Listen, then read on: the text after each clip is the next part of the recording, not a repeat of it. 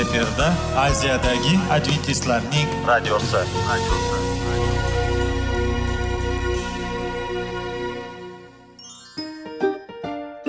Assalomu alaykum radio tinglovchimiz. Dasturimizga xush kelibsiz va bizni tinglayotganingizga sizdan judayam minnatdormiz. Bugungi bizning dasturimizning nomi sog'liq daqiqasi deb ataladi va biz sizlarga bu dasturda mevalarning foydasi haqida so'zlab bermoqchimiz. Ya'ni uning tarkibi uning tarixini va foydali xususiyatlari haqida. Aziz do'stlar mevani iste'mol qilish kerak ekan va biz boshladik. Ketdik. Sog'liq daqiqasi soliqning kaliti qiziqarli ma'lumotlar faktlar. Har kuni siz uchun foydali maslahatlar. Sog'liq daqiqasi rubrikasi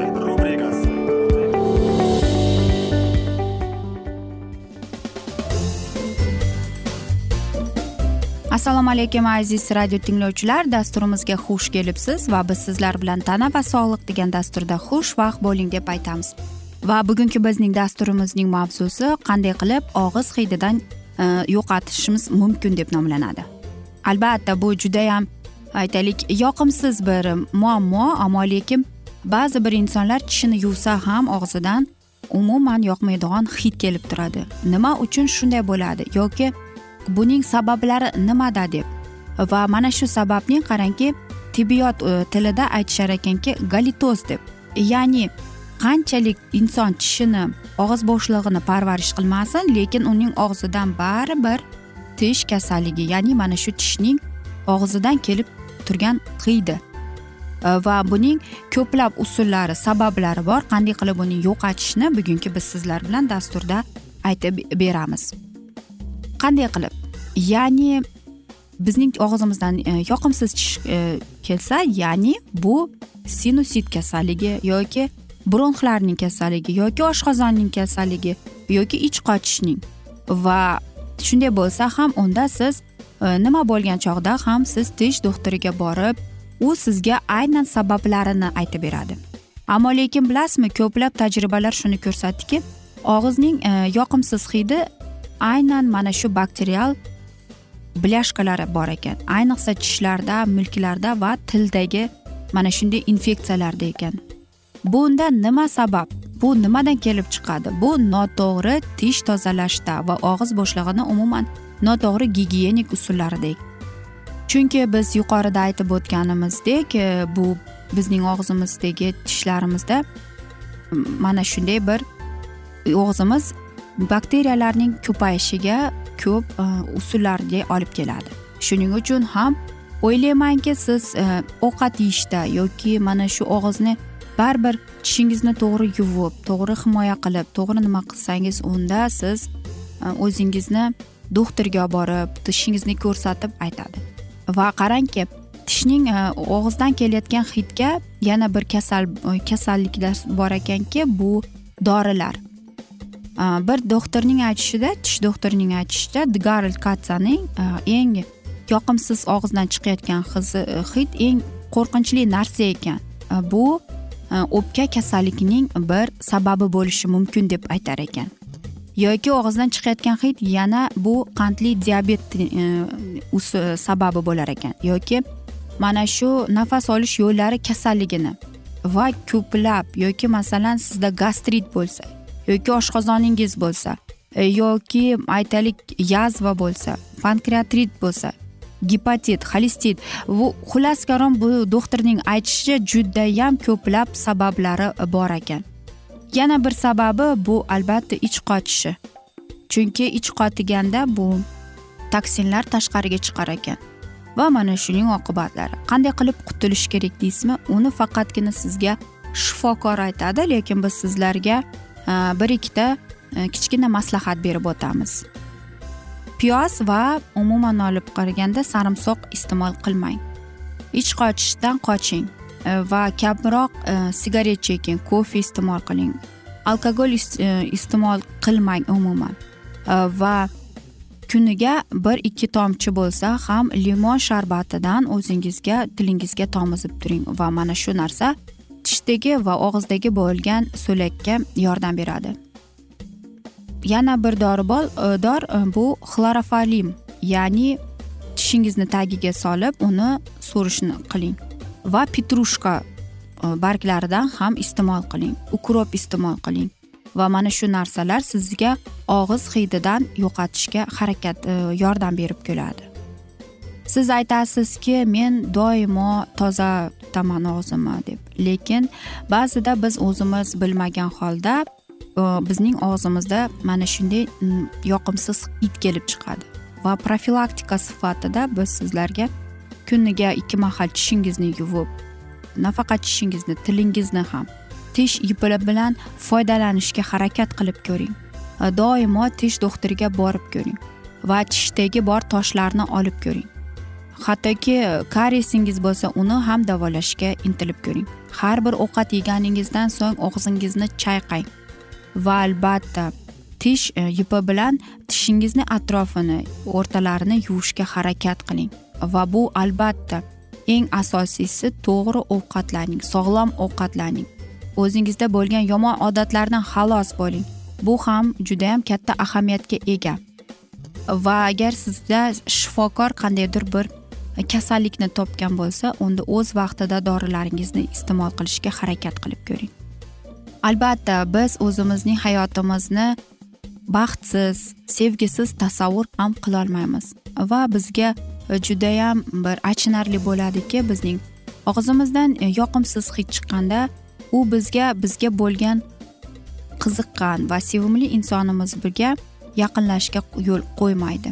Shuning uchun ham aytaylik mana shunday sizda munosabatlar bo'lsa undan ko'ra o'z sog'lig'ingizga qarab va o'z vaqtida doktorga borishga unutib ko'rmang o'zingizni ehtiyot qiling o'zingizga g'amxo'r bo'ling va albatta siz sog'lom va baxtli bo'lasiz aziz do'stlar albatta bu judayam bir aytaylik noqulay bir dastur desak ham bo'ladi bu mavzu desak ham bo'ladi ammo lekin mana shunday dasturlar sizlarga foydali bo'ladi deymiz. Va mana shunday asnoda biz bugungi dasturimizni afsuski yakunlab qolamiz chunki bizning dasturimizga vaqt birozgina chetlatilgani sababli.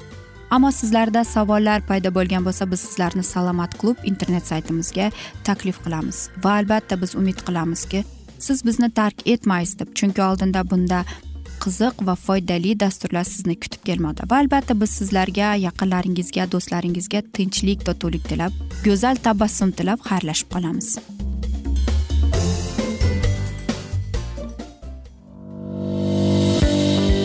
Sog'liq daqiqasi soliqning kaliti qiziqarli ma'lumotlar faktlar.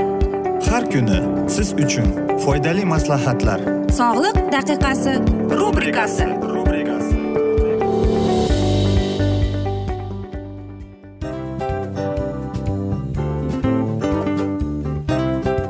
mana hayotda hamma narsaning yaxshi narsalar tugaydi va yakunlaydi degandek bizning dasturimizga ham yakun keldi.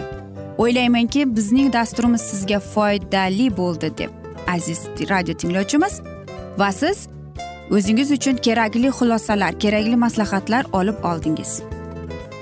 Aziz radio tinglovchimiz biz bilan qoling va keyingi dasturlarimiz albatta undanda qiziqroq bo'ladi.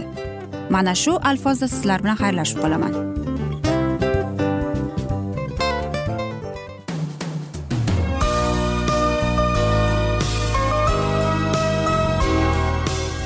Efirda aziyadagi adventistlarning radiosi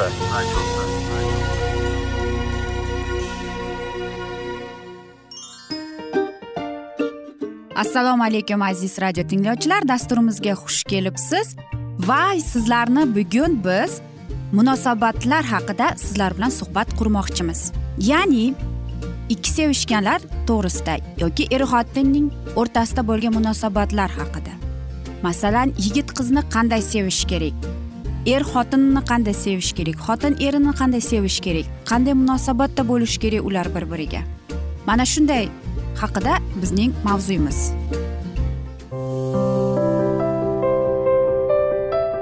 har kuni har xil kasbdagi odamlar bilan sirlashish va bo'lishish sevgi rashq munosabat bularni hammasi dil izhori rubrikasida.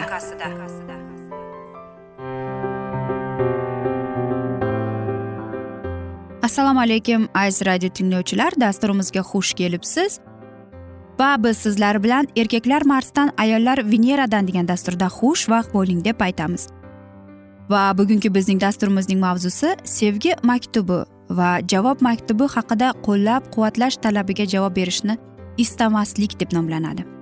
Albatta biz aytamiz nega unday bo'ldi deb. Nega biz mana shu narsalarni kelganda nega biz rad etamiz deb. Yoki nega bizning turmush o'rtog'imiz bizga o'z yordamini taklif qilganda biz nega qarshilik ko'rsatamiz? Qarangki bugungi dasturimiz shunday. Va u sevgi xatida nima deb yozgan ekan? Azizim bilasanmi men judayam g'azablanyapman chunki sen menga o'zingning yordamingni taklif qilmading deb. Meni g'azablantiryapti. Sen menga umuman yordam berishni xohlamaysan deb.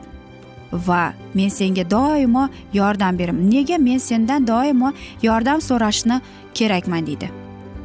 Va u aytadiki men afsusdaman sen hech qachon menga yordam berging kelmayapti. Men doimo o'zimni yolg'iz his qilyapman deb. Menga sening qo'llab quvvatlashing judayam muhim deb. Yoki u shunday deb yozgan ekan bilasanmi men sendan yordam so'rashdan qo'rqaman. Qo'rqaman seni g'azabingni olib kelishga. Va men qo'rqamanki sen menga yo'q deysan va menga og'riq bo'ladi deb. Va aytadiki afsuslashda kechir. Men shunchalik senga o'zimning iltimoslarim bilan boshingni og'ritib bordim deydi. Ha azizim men seni to'g'ri qadrlamayman vaqti kelib deydi. Meni kechir sendan ko'p narsalarni talab qilayotgan bo'lsam deydi. Va oxirida sevgisiga shunday deb yozgan ekan men seni sevaman. Men bilaman sen hamma narsani kuching boricha qilyapsan deb. Va men sendan o'tinib so'ramanki senga kamroq seni orqangdan yordam so'rashga deb. Sen judayam ajoyib sevimli otasan deb.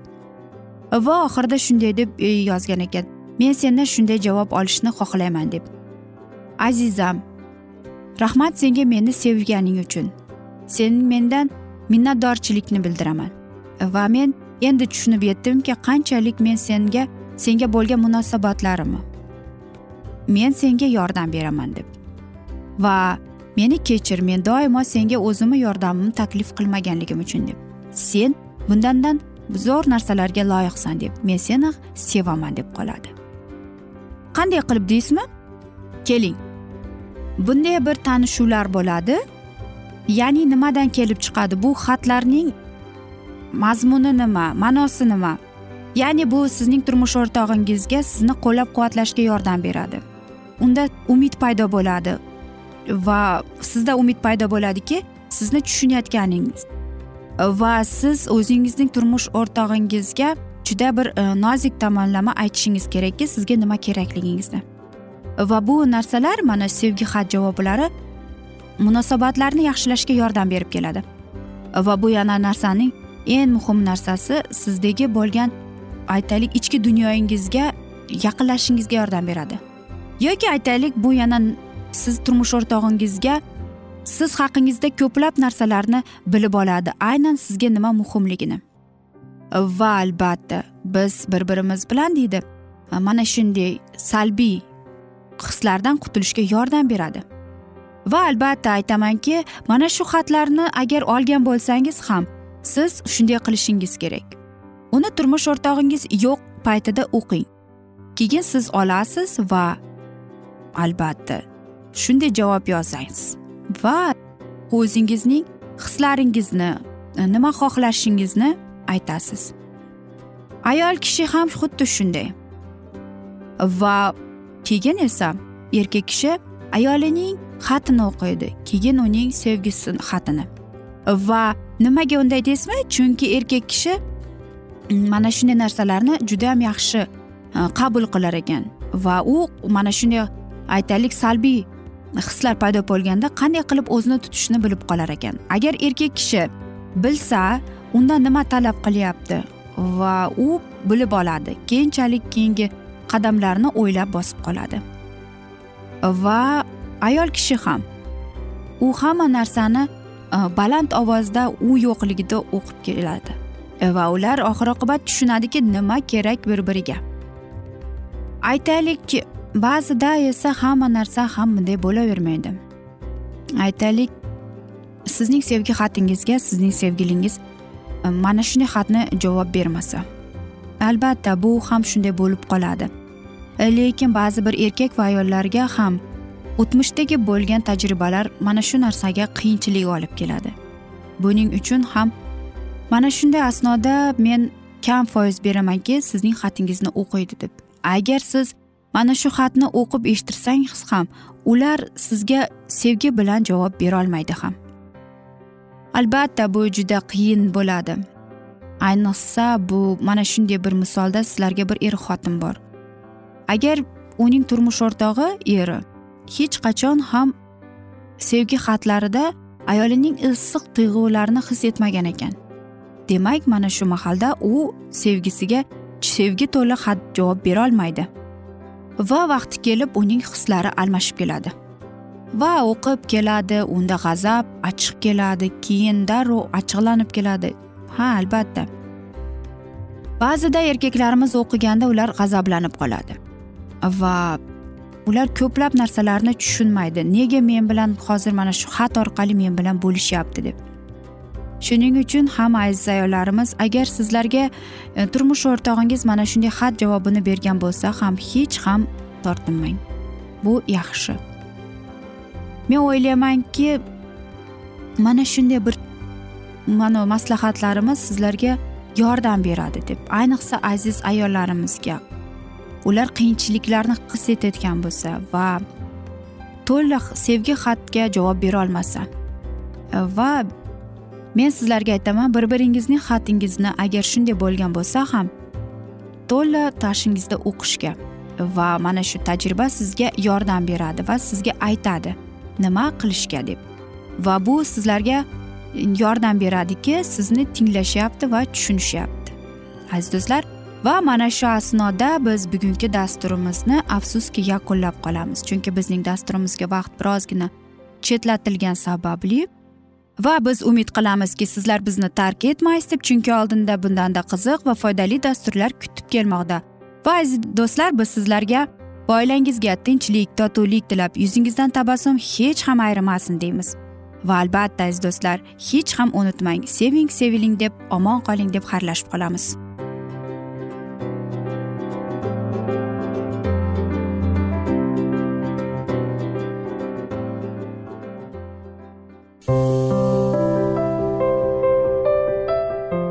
Kuni har xil kasbdagi odamlar bilan sirlashish va bo'lishish sevgi rashq munosabat bularni hammasi dil izhori rubrikasida. Mana aziz radio tinglovchimiz bizning go'zal va foydali va chiroyli dasturimiz yakunlanib bormoqda. Sizlarga birozgina maslahat berib o'tmoqchi edik. Bir biringizni seving. Qadringizga yeting. Va erkalang albatta bir biringizni va sizga judayam chiroyli va mustahkam munosabatlar tilab qolamiz albatta. Sevgilingiz doimo yoningizda bo'lsin. Mana shu borada sizlar bilan xayrlashib qolamiz. Xayr.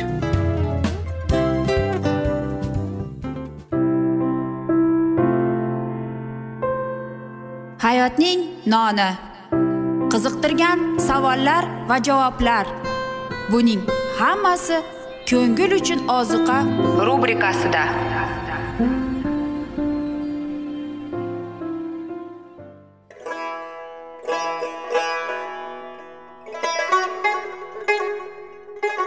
Assalomu alaykum aziz va qadrdon radio tinglovchimiz.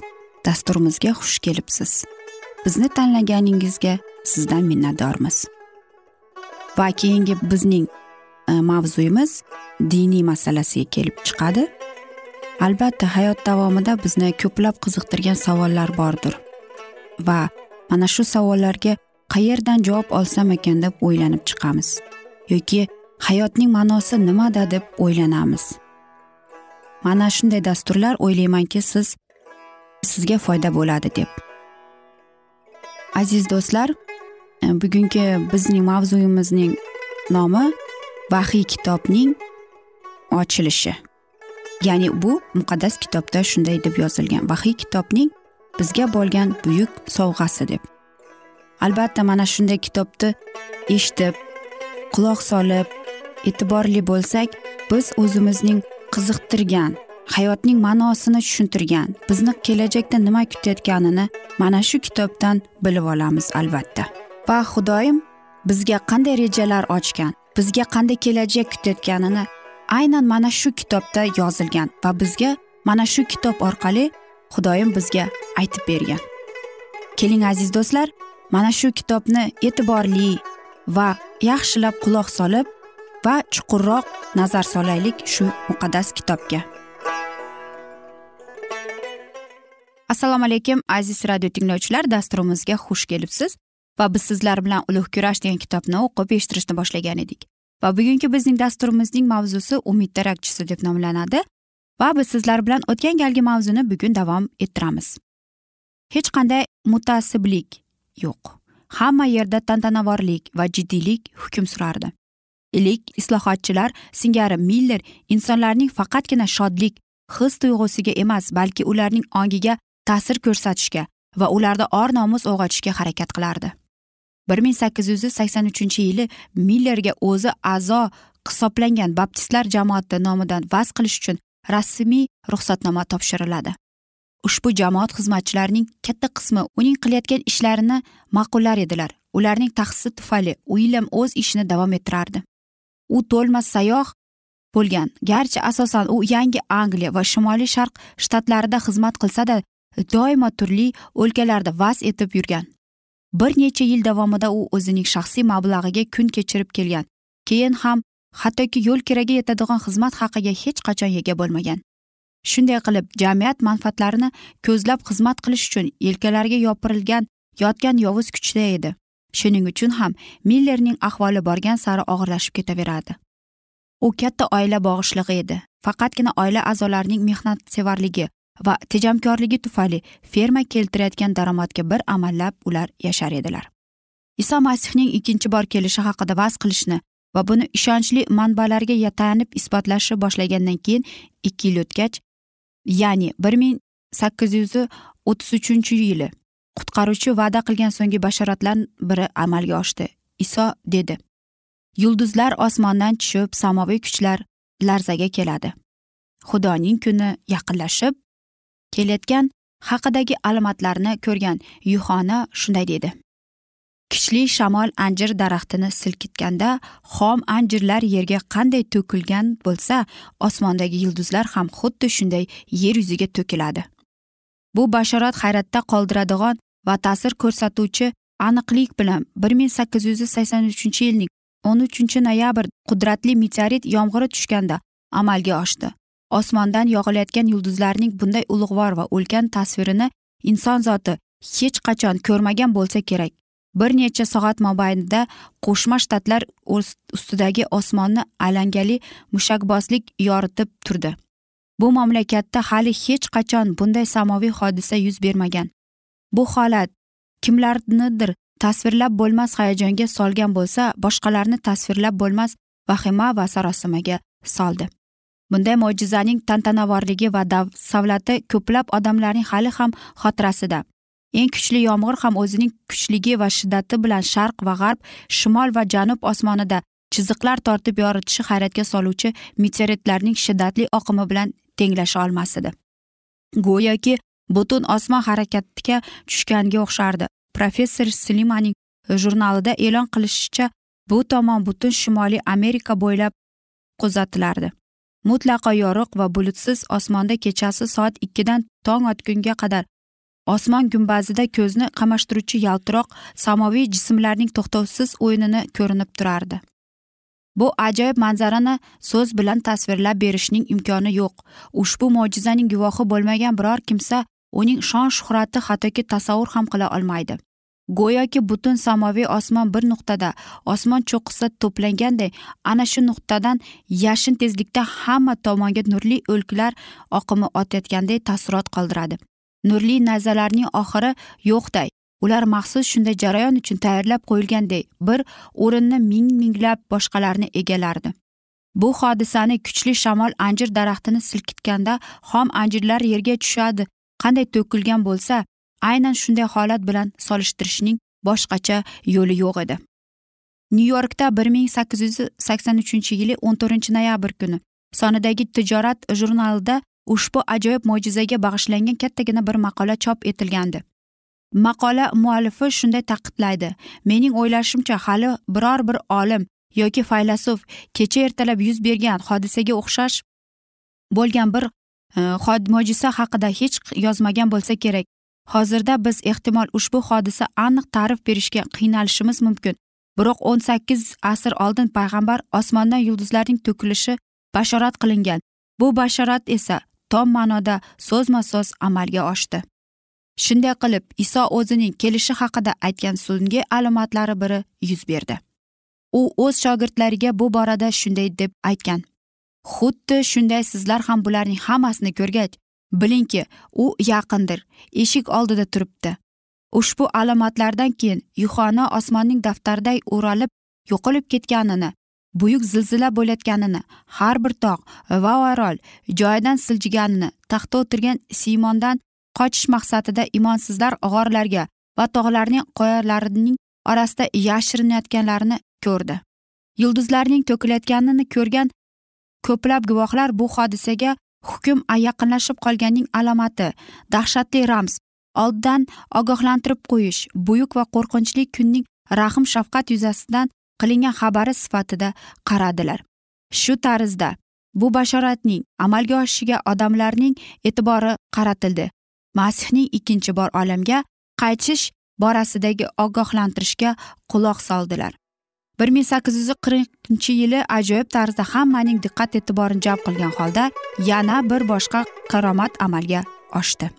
Aziz do'stlar afsuski mana shunday go'zal asnoda biz bugungi dasturimizni yakunlab qolamiz chunki bizning dasturimizga vaqt birozgina chetlatilgani sababli. Ammo lekin keyingi dasturlarda albatta mana shu mavzuni yana o'qib eshittiramiz. Va sizlarda savollar tug'ilgan bo'lsa biz sizlarni alkitab media internet saytimizga taklif qilib qolamiz. Va albatta aziz do'stlar sizlarga va yaqinlaringizga tinchlik totuvlik tilagan holda yuzingizdan tabassum hech ham ayrimasin deb o'zingizni ehtiyot qiling deb xayrlashib qolamiz. Omon qoling.